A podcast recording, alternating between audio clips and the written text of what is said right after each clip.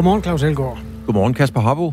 Det er Radio 4 Morgen, der er i fuld gang. Tre timers aktualitetsradio. Selvfølgelig med det ene øje rettet mod Afghanistan og både de internationale og de danske vinkler på det, som er en form for borgerkrig.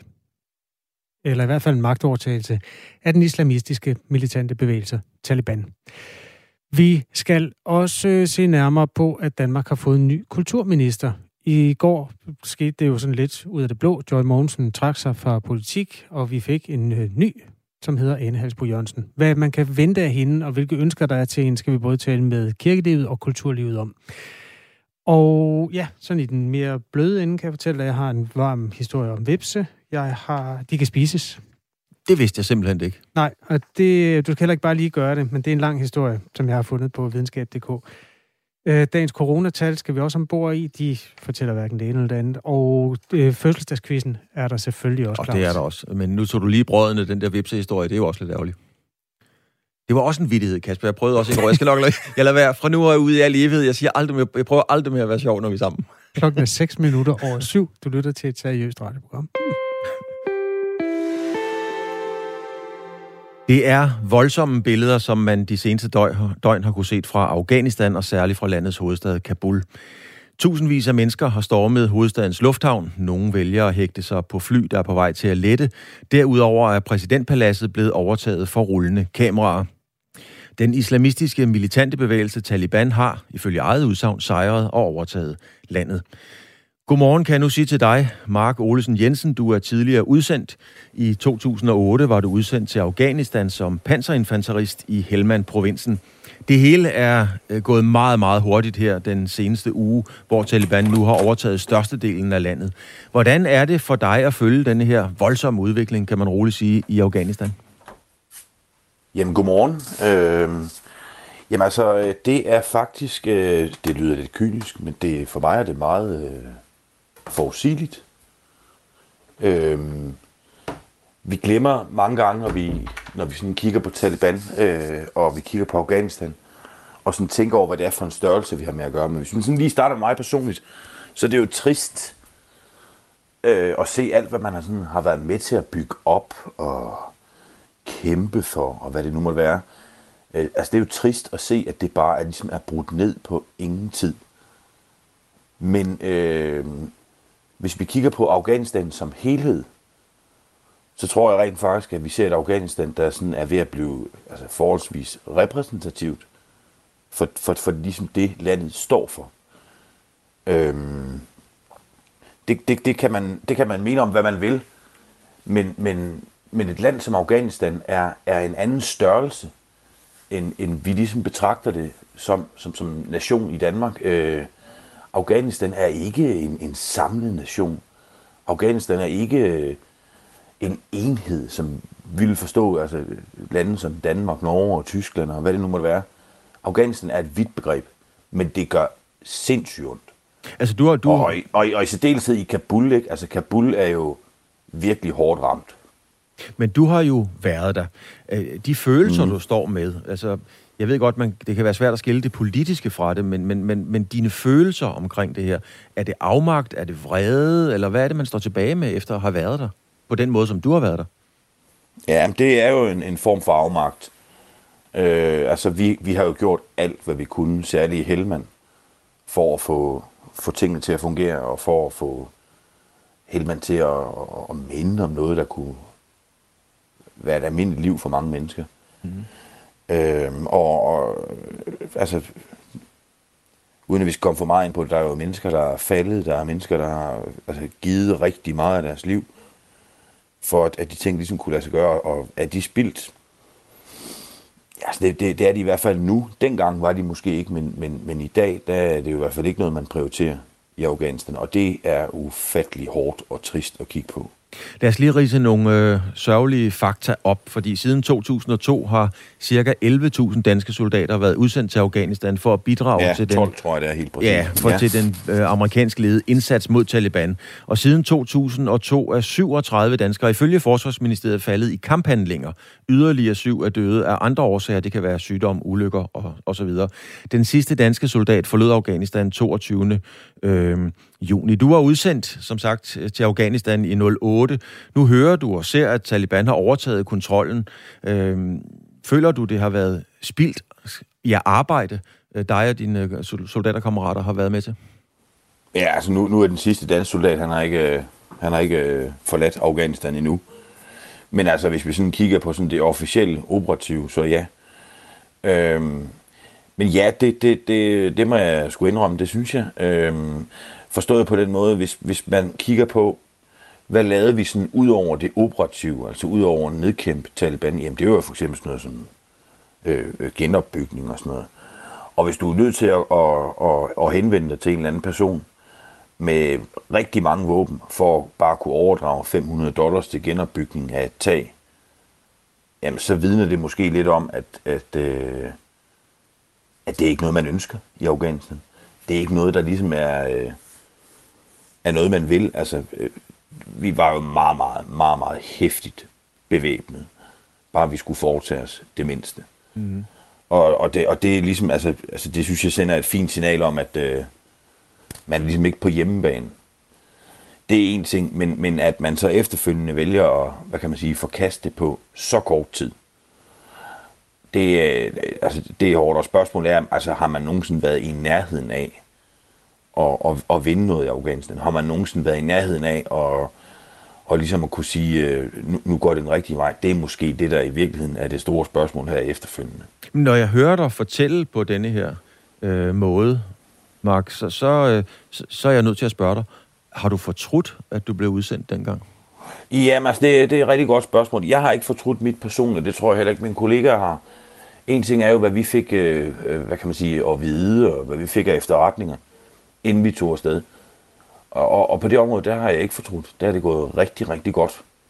Øh, det arbejde, vi har lavet, det er gået fint.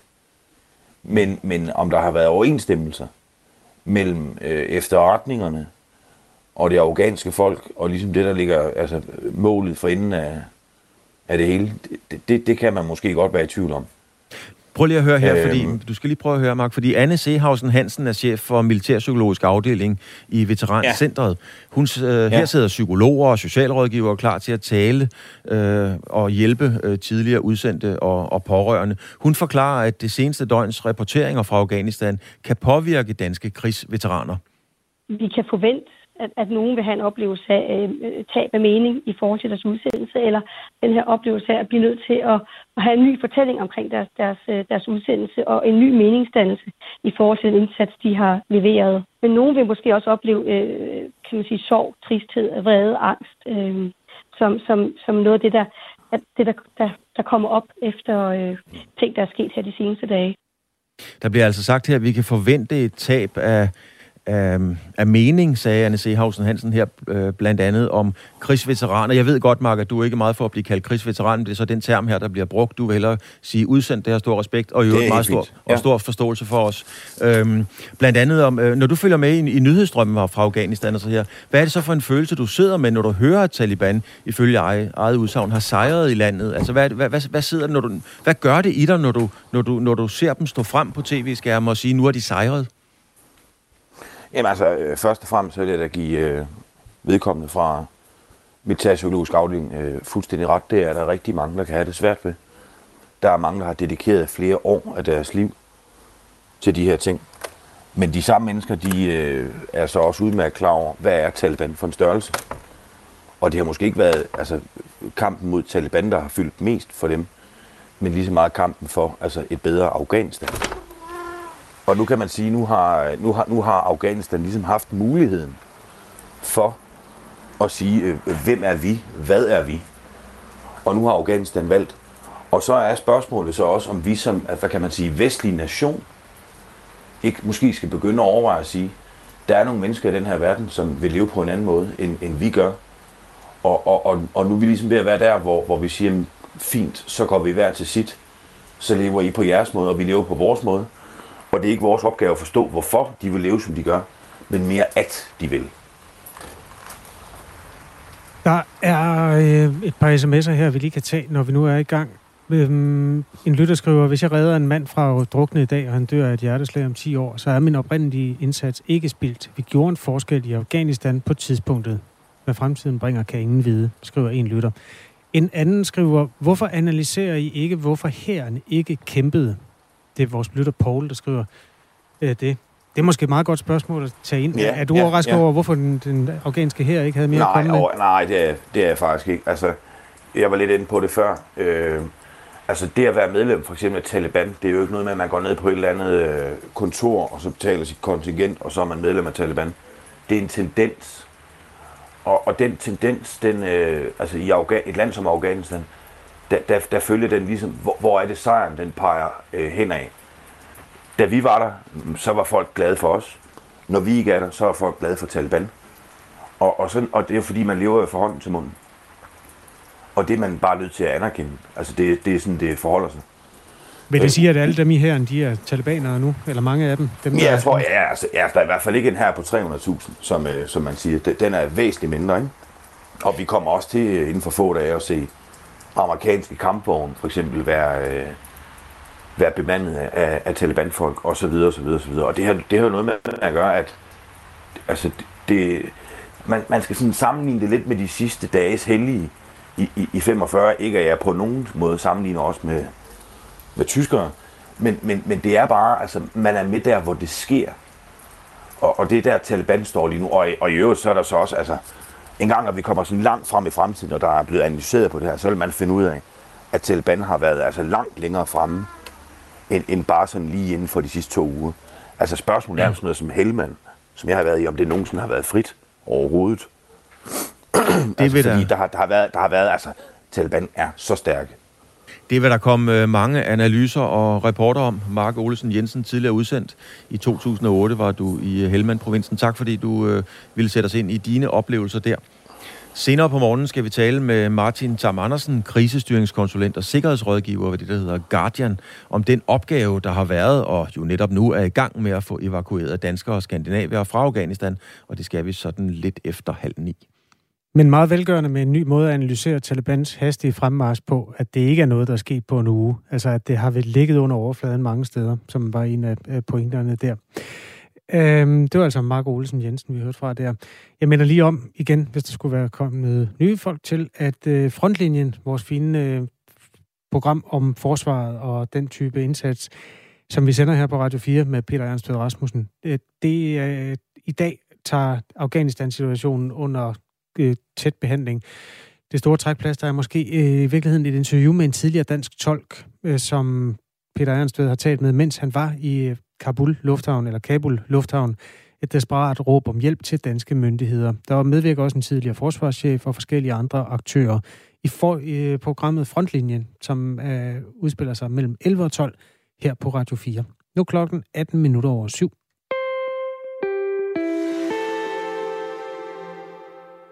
I går stoppede Joy Mogensen som kulturminister og kirkeminister.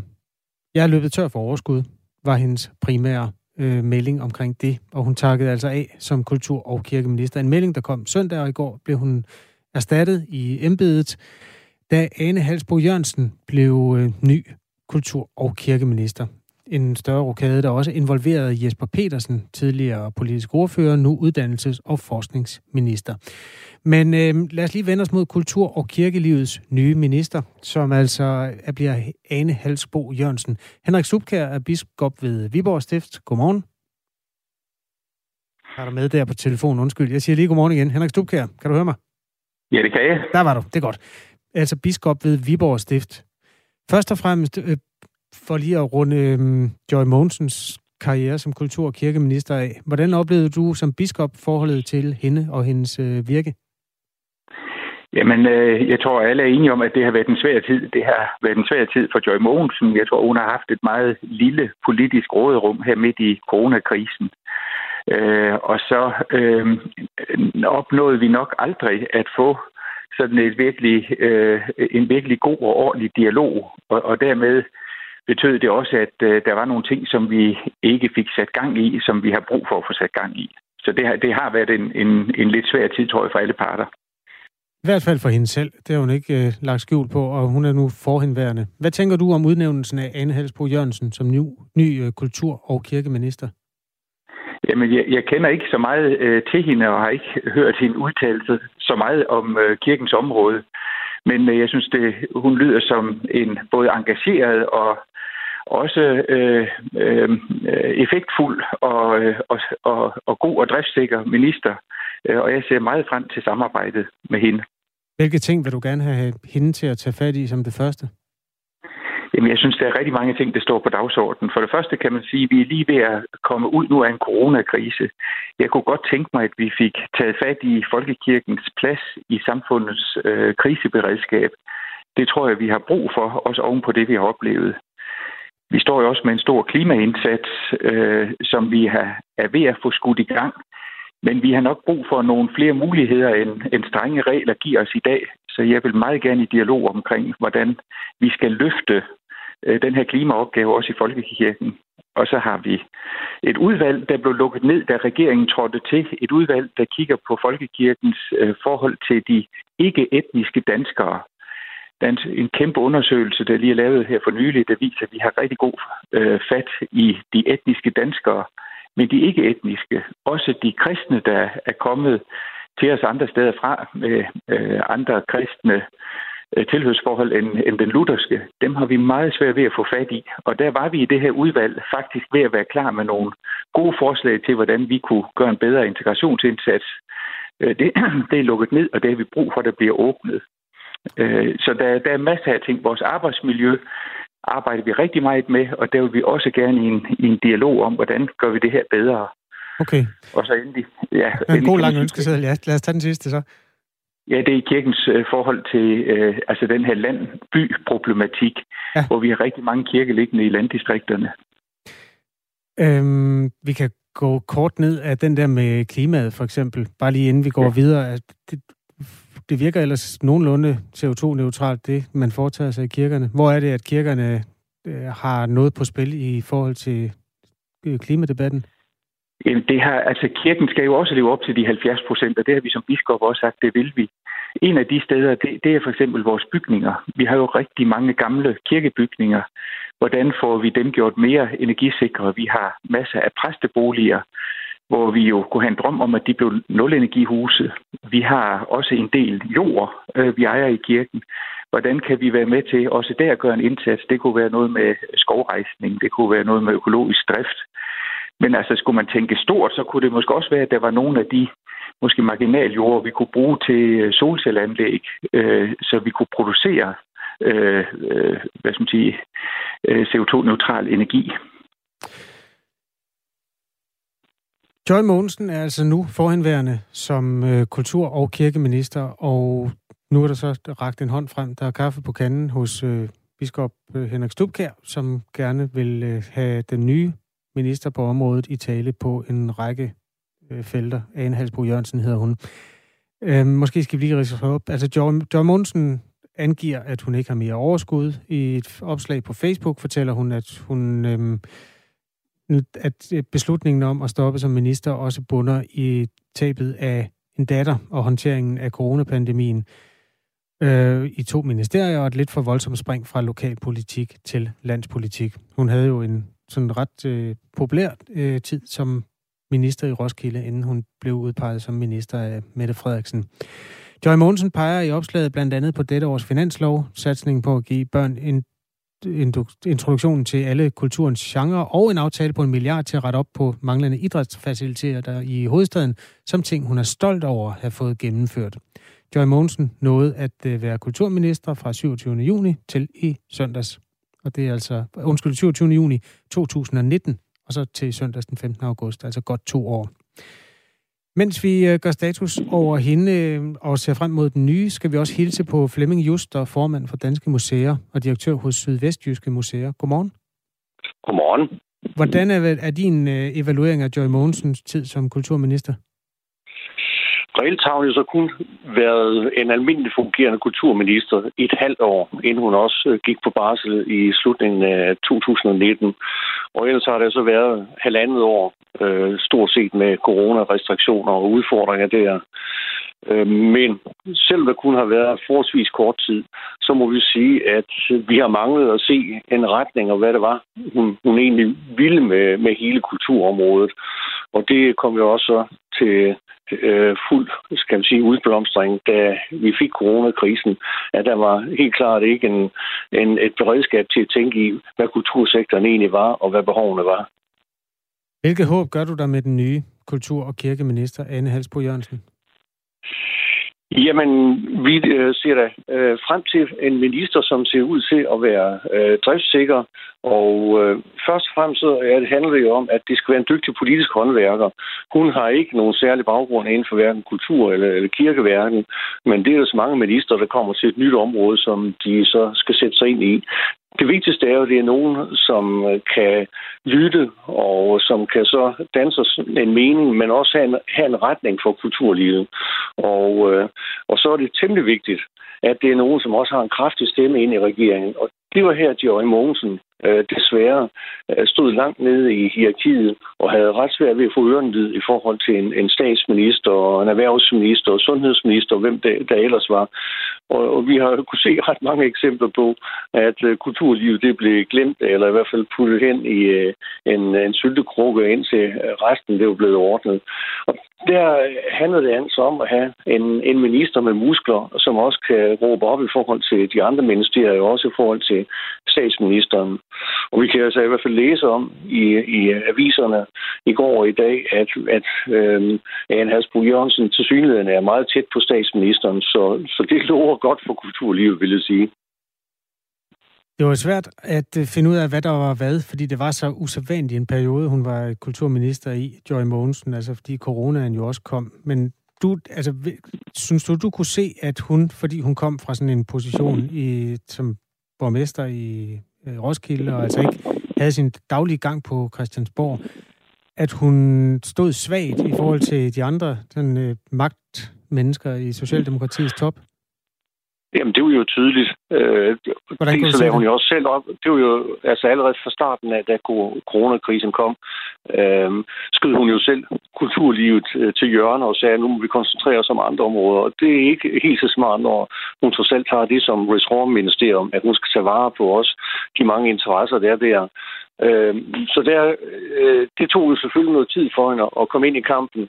Men så vil jeg så gengæld også sige, at øh, at det, det kæmpede hun også for, og hun øh, forsøgte på at have en, en tæt dialog med alle de mange øh, forskellige brancher, som er inden for kulturlivet. Og øh, Øh, vi øh, øh, på det personlige plan var vi, øh, er jeg sikker på, at vi i alle brancher var, var på den måde glade for, for Joy Mogensen. Men øh, nøgteren betragtet må jeg sige, at, at det vi manglede, det var at se, hvad var det egentlig, hun ville med den magt, som, som en minister jo altid havde. Hvad var der for en retning, hun, hun ville? Og så øhm, en, en stærk minister er jo også en, som så kan komme igennem med det i forhold til regeringen og har et tæt netværk med kulturordførende og øh, kan stille og roligt få, få bygget tillid op og få lavet nogle forlig. Og, og det har vi simpelthen manglet, at, at hun var stærk også i forhold til øh, de partierne og kunne få brede forlig igennem på kulturområdet. Flemming Just er altså formand for Danske Museer og direktør hos Sydvest Jyske Museer. Øhm, nu hørte vi sådan en relativt lang ønskeseddel hos Henrik Stubkær, der er biskop ved Viborg Stift. Altså ønskelisten i forhold til, hvad den nye kirkeminister, Anne Halsbo Jørgensen, kunne udrette. Som kulturminister betragtet, har du sikkert også en ønskeseddel til hende. Øhm, du må gerne holde den på 40 sekunder, hvis det kan lade sig gøre. Først og fremmest handler det om, at nu skal vi have kulturlivet på fod igen. Og så har vi så inden for museumssektoren øh, et ønske om at få øh, analyseret hele området, fordi det er en sektor, som er under kraftig forandring, og vi har tidligere ønsket af Joy Mogensen, at der skulle nedsættes en ekspertgruppe øh, til at, at få analyseret og komme med nogle forslag. Der er også tale om ændring af museumsloven, og der er tale om måske en øh, omfordeling af støtten. Det har Folketinget i hvert fald tidligere diskuteret en hel del, men det er der ikke kommet nogen vejen med de seneste fire år. Okay, men spændende felt. Vi er selvfølgelig også øh, vil ret kigger den mod, i, også her fra Radio 4's side. Tak fordi du var med, Flemming Just. Ja, velkommen. Formand for Danske Museer og direktør hos Syst, Host. Hvorfor er det så svært at sige? Formand for Danske Museer og direktør hos Sydvest Jyske Museer. Den er, altså, den er heller ikke nem, Harbo, det er den ikke. Det er nemmere i sporten, når man skal sige AGF og OB. Det kan godt være, det er der, jeg skal søge job. Nu øh, er der nyheder med Henrik Møring her på Radio 4. Klokken er halv otte.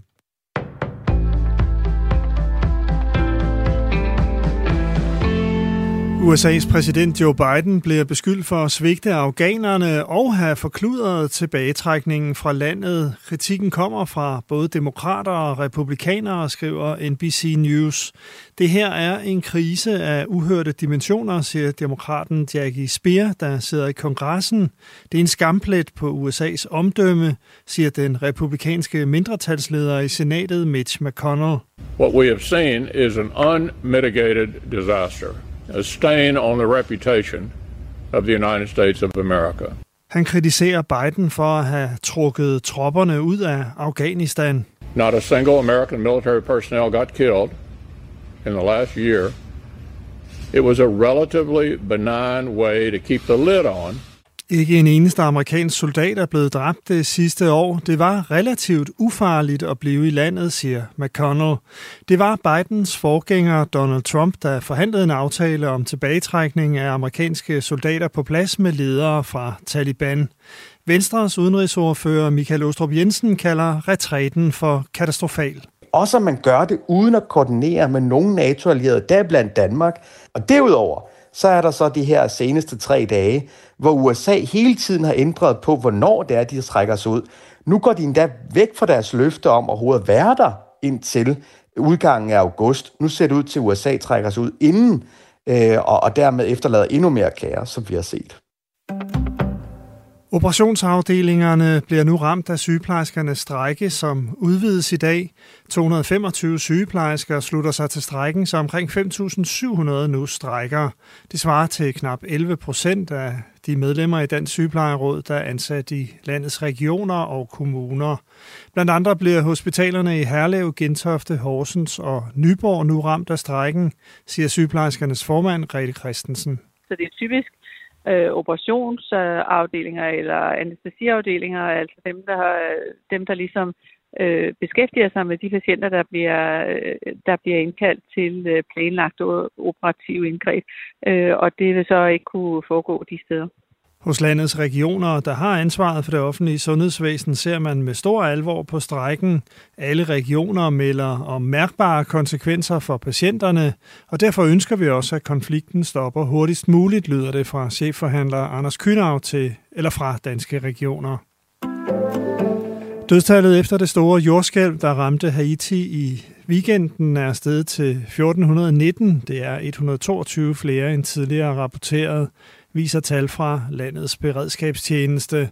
Kirker, hoteller, hospitaler og skoler har fået store skader, og over 37.000 huse er blevet ødelagt. Jordskælvet havde en beregnet styrke på 7,2 og kunne mærkes flere steder i Karibien. Simon Emil Amitsbøl Bille forlader politik. Den tidligere økonomi- og indrigsminister stopper i Folketinget efter næste valg. Det siger den nuværende løsgænger og, og tidligere medlem af Liberal Alliance til Altinget. Amitsbøl Bille har været medlem af Folketinget siden 2005, hvor han blev valgt for Radikale og kigge på vejret. Mest skyde med regn eller byer, men også mulighed for lidt sol, 15 til 19 grader og jævn til hård vind omkring vest.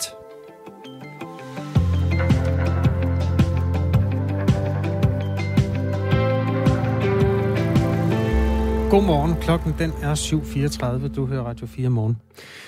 Øhm, naturligvis mange vinkler på det, der foregår i Afghanistan. Det er en situation, der udvikler sig, som det hedder på dramatiske nyhedsprompter øh, rundt omkring i, i verden, time for time.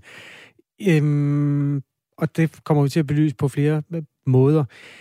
Jeg har også den der belysning af vepse-fænomenet, som... Skal vi tage den nu?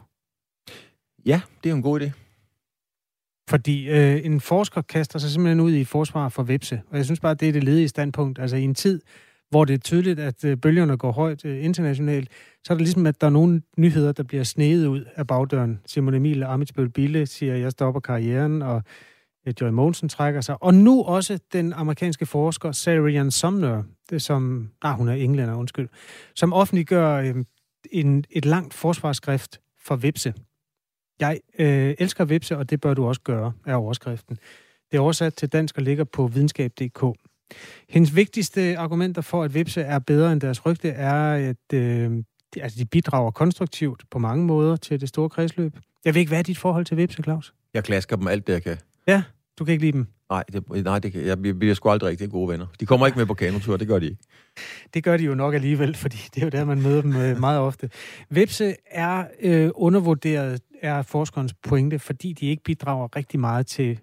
Altså, grunden til, at vi mennesker elsker bier, for eksempel, er jo ikke kun, at de kun kan stikke os én gang. Det er også, at de er jo en del af bestøvnings, mm. øh, alt det der. Hvis man gør det op i penge, så øh, har vipse også en rolle i, i det der, men den er bare lidt mere overset. For eksempel er de jo rovdyr. Ja, det vidste jeg faktisk godt. Og de spiser rigtig mange af de øh, små larver og fluer og andre små monstre, som går i, i afgrøderne, og derfor et nyttedyr. Mm. Vipse kan også spise selv, skriver forskeren. Vipse vendt i lidt chiliolie smager ret lækkert og er overraskende nærende. Vipse er stort set ren protein. Så hvis du laver en... Altså, af, nu ved jeg ikke, om du...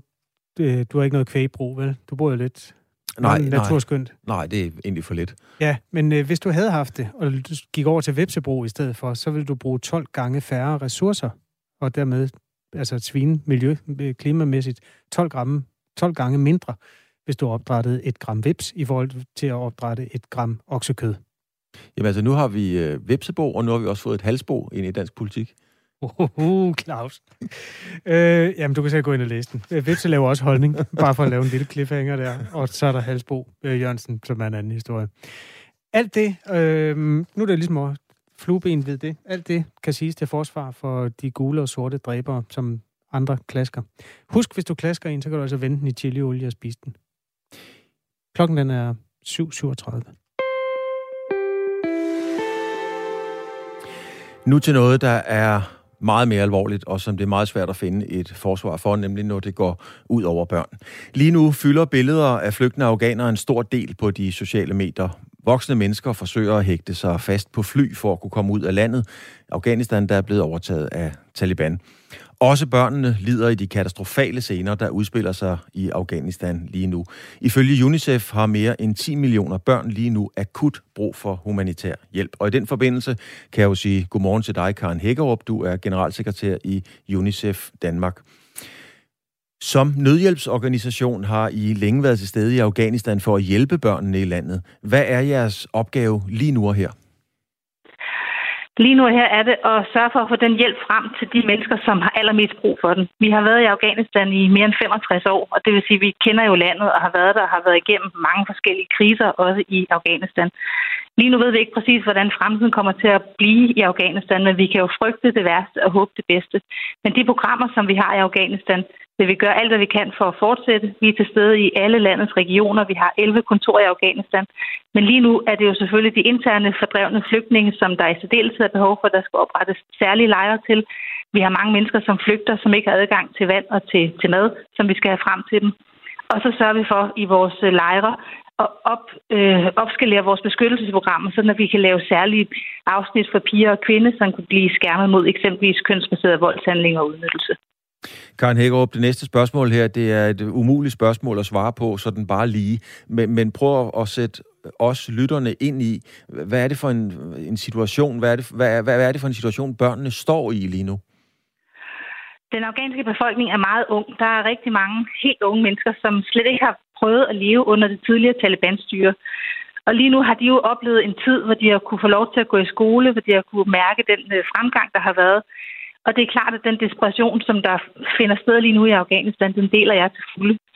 Vi har i 2001, da vi startede med at få lavet vores pigeskoler, der havde man faktisk en situation i Afghanistan, hvor der var ingen piger, der var indskrevet i grundskolen. Vi var nået op på 80 procent af pigerne, som vi fik mulighed for at undervise. Vi har leveret en masse fantastiske resultater i Afghanistan over de seneste 20 år. Og det er klart, at lige nu, hvor Afghanistan er kollapset, så står vi jo og frygter selvfølgelig, at det hele kan falde til jorden. Der er dog ikke til at sige præcis, hvad der kommer til at ske. Jeg tror, man må sige, at det, der sker lige nu, hvor Afghanistan fuldstændig er kollapset, der står vi også over for et Taliban, som har overtaget, som kommer til at have nogle interne magtkampe om, hvad er det for en retning, de gerne vil have.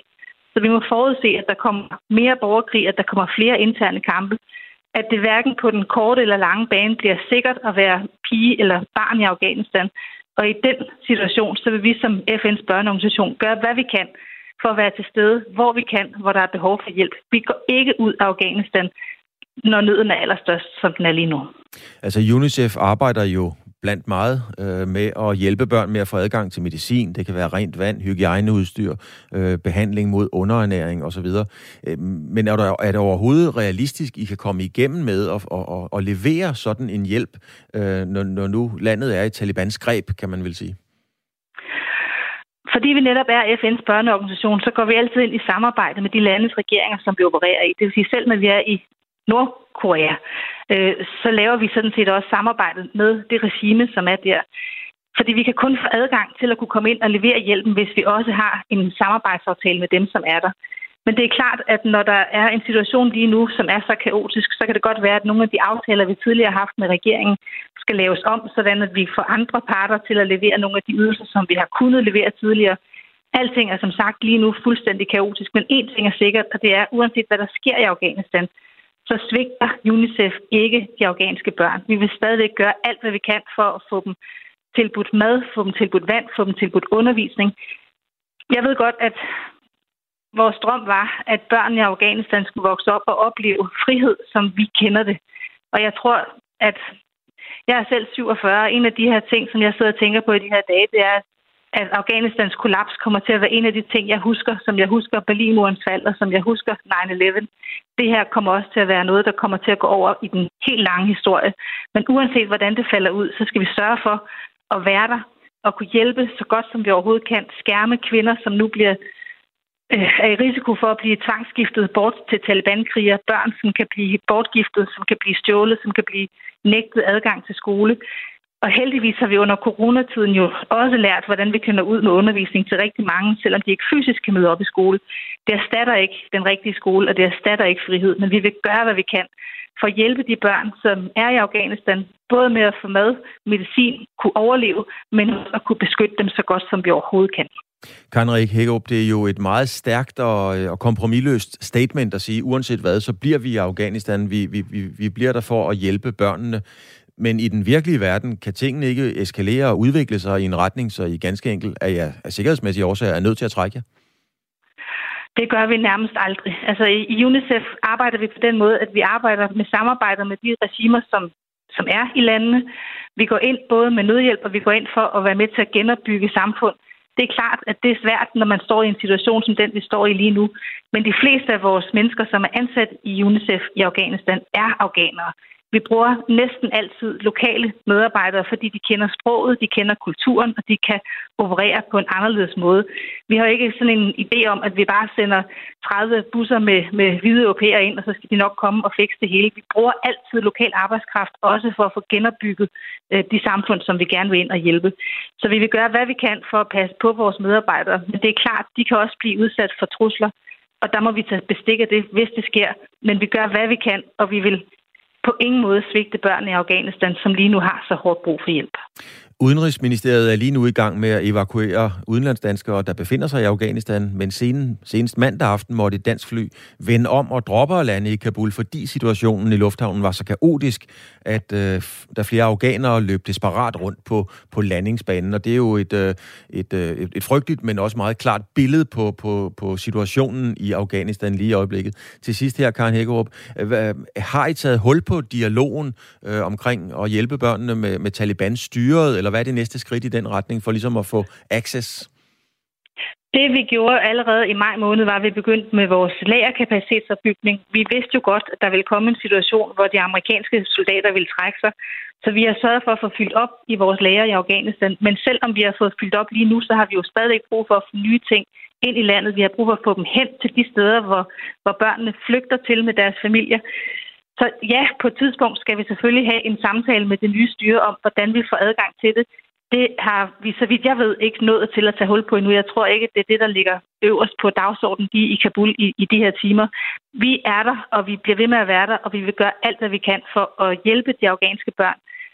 Jeg tror, at rigtig mange danskere lige nu, som jeg selv sidder med hjertet op i halsen og har ondt i maven over at tænke på, hvad det er, afghanske børn frygter, og hvad det er, de kan se ind i lige nu. Og hvis der er noget, vi kan gøre i UNICEF for at hjælpe de børn til at tro på, at de kan få en fremtid igen, og at vi vil sørge for, at de overlever, så de kan få mulighed for at få et liv, så tror jeg, at øh, hvis vi kan lykkes med at hjælpe, så kan, har vi alligevel været med til at gøre en forskel.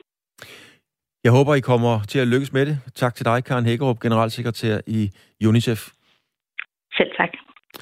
Klokken er 7.45. Det her er Radio 4 morgen. Der kom en sms lidt tidligere, som vi måske næsten skal gå ned i også, selvom den er en anelse kantet. Der står, det må være en frygtelig oplevelse for venstreorienterede feminister og andet godt folk at høre, at deres forbillede Bob Dylan er anklaget. Citat slut. SMS'en er kommet på 1424, som de nu gør, og øhm, den handler altså om en, nogle anklager mod en meget fætteret og prisbelønnet amerikansk sangskriver, Robert Allen Zimmerman, Bob Dylan, som ja, siden 60'erne har skrevet hundredvis af sange, der bliver citeret fra øh, hundredvis af steder. Og i kølvandet på MeToo-bevægelsen er der jo ikke mange, der er gået fri, men meget bekendt er det første gang, at nogen retter pistolen mod Bob Dylan. Det er en pige, som på det tidspunkt var 12 år, nu selvfølgelig er væsentligt ældre, som i 1965 angiveligt blev øh, tilbudt noget narkotika og nogle, noget alkohol, og så blev seksuelt misbrugt af Bob Dylan på et hotel, siger hun. Og det er jo altså nogle anklager, der har ligget i skuffen i over 50 år, og derfor er behæftet med nogen usikkerhed. Og i, rent juridisk slipper, slipper man jo øh, knivene, væsserknivene hedder det, i, i Dylan-lejren i øjeblikket. Det er ret vildt, det der foregår i vores tid her. Den kommer vi også til at følge med en væsentlig interesse. 50 år, det, det er jo... Altså, mange steder er ikke engang mor anklager øh, holdbare efter så lang tid. Altså, der er jo juridisk forældes tingene, men altså, Moralsk gør de åbenbart ikke. Nu kommer anklagerne i hvert fald. Ja, der er øh, forældelsesfristen. Øh, så, så vidt jeg hørte, så, øh, så, så er det dagen før, at, at, at loven, reglen om forældelsesfristen udløb, at den her øh, anklage rent faktisk er, er dumpet ned. Men det er jo også sådan lidt, lidt pudsigt, kan man sige, øh, lige med, med, med Bob Dylan, fordi at... Øh, Ja, nu kan han selv risikere at ende i en retssal, men, men der er faktisk lavet en undersøgelse i USA, jeg kom i tanke om af en eller anden mærkelig årsag, en artikel, der var i Information i 2011, Don't Ask More.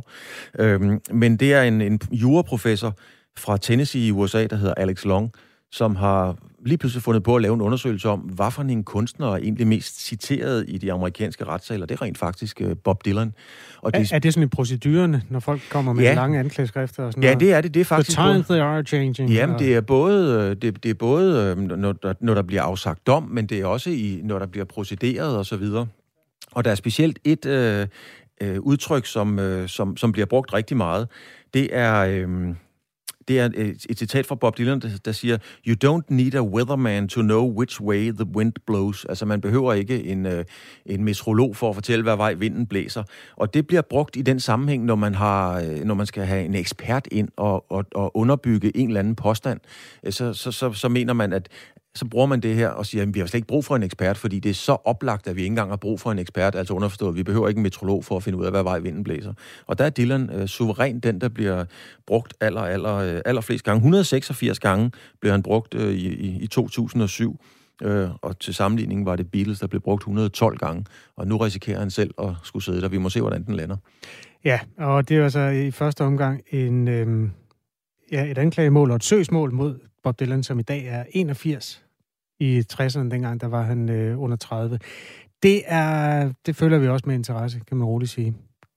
Klokken den er 7.49, 17. august 2021.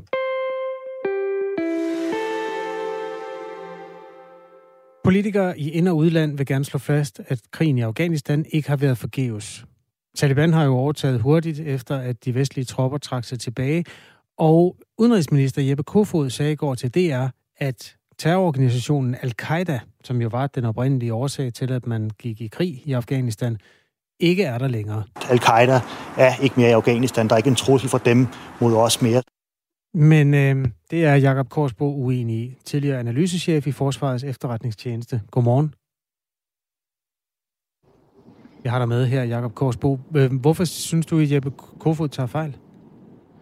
Jamen, øh, øh, det er ikke noget, jeg synes, det er egentlig øh, dokumenteret meget, meget grundigt. Øh, jeg vil sige, øh, man behøver jo ikke øh, lytte, øh, lytte til mig, man kan bare lytte til den øh, rapport, som øh, FN's monitoreringsgruppe øh, øh, lavede til FN's Sikkerhedsråd i juni måned. Øh, der er det jo dokumenteret øh, øh, sort på hvidt, at, øh, at øh, der er al-Qaida til stede i øh, Afghanistan, og al-Qaida har meget, meget tætte forbindelser til Taliban. Øh, det står der, og det er velunderbygget, og, og det er egentlig ikke noget, som er kontroversielt i, øh, i FN's øh, Sikkerhedsråd. Og endvidere så bliver antallet af al-Qaida-kæmper øh, anslået til at ligge mellem 400 og 600 øh, personer. I min egen vurdering, og her kommer min vurdering ind, det, det er formentlig et konservativt estimat.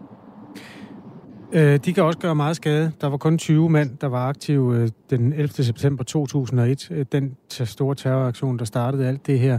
Når Jeppe Kofod han siger, at der ikke er nogen al-Qaida-krigere i Afghanistan, hvorfor siger han så det?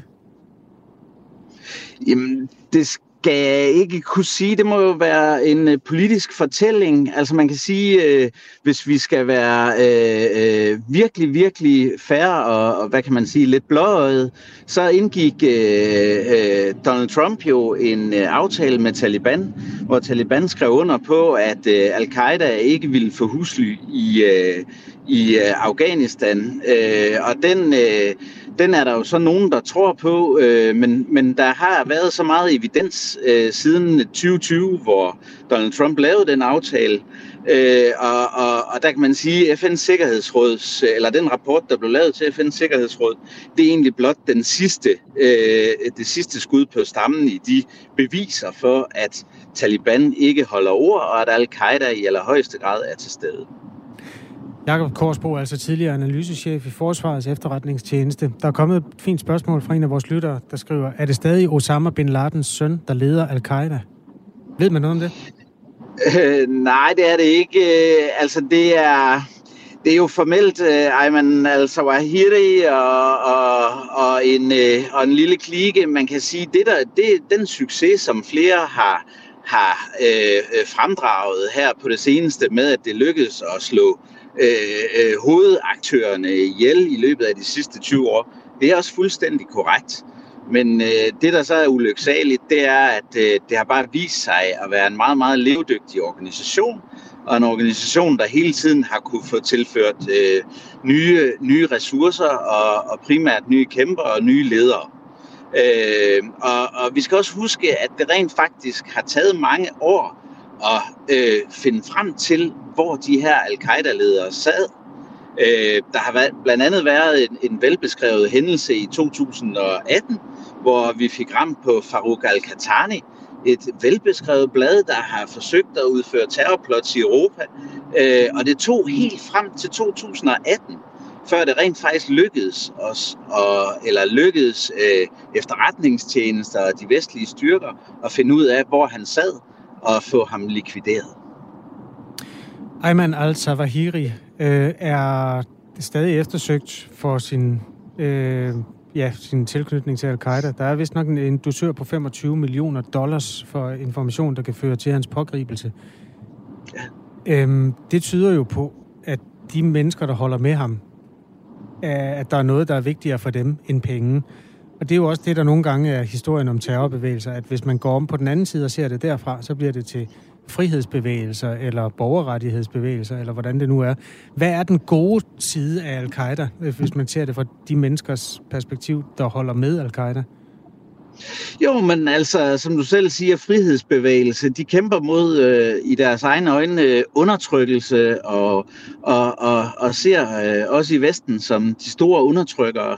Og, øh, og så kan man sige, jamen altså, øh, det gjorde de jo også før øh, 9-11. Og det synes jeg også er meget vigtigt for historiefortællingen, at vi holder tungen lige i munden der. Altså det vil sige, det er jo ikke et spørgsmål om, at øh, den tilstedeværelse fra vestlig side, der har været i, øh, i, øh, i øh, Afghanistan og i Mellemøsten, at det er den, der har øh, ligesom udløst øh, det her. Hvad mener du med det? Jo, men altså, det, det mener jeg med, at øh, de her angreb, som al-Qaida lavede på, på USA, lang tid før 9-11, blandt andet ramt øh, øh, ambassaderne i øh, Dar es Salaam og, og i Nairobi, øh, angrebet på USS Cole, og, og altså flere markante angreb meget dødelige angreb, øh, de er jo lavet, inden der var den her militær tilstedeværelse. Det er bare vigtigt at, at huske, fordi den militære øh, tilstedeværelse er jo også et spørgsmål om, at man bruger den i retorikken. Men, men, men, øh, men der var jo, altså det her er jo kommet til tidligere. USA's præsident Joe Biden sagde i en tale til sin nation i går aftes dansk tid om situationen i Afghanistan, at han står fast på beslutningen om at trække amerikanske styrker tilbage. Han indrømmede, at den afghanske regerings sammenbrud er sket langt hurtigere, end man havde forventet, øhm, og sagde, at den sidste uges udvikling har bekræftet, at det at afstå fra enhver ny indgriben i Afghanistan nu var den rigtige beslutning. Our mission in Afghanistan was never supposed to be nation building. It was never supposed to be creating a unified, centralized democracy.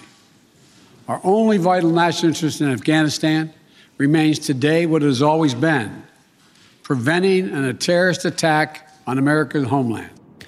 Ja, det eneste formål, der har været sådan helt centralt, var at forhindre angreb på amerikansk jord. Og nu kommer der så helt dramatiske sirener lige bagved dig, Jakob Korsbo. øhm, det jeg vil spørge om, det var, at man så ikke 100% mislykkes med det, hvis man har haft 20 år, hvor man har bumpet løs i Afghanistan, og haft en masse soldater på jorden, og alligevel øh, eksisterer al-Qaida?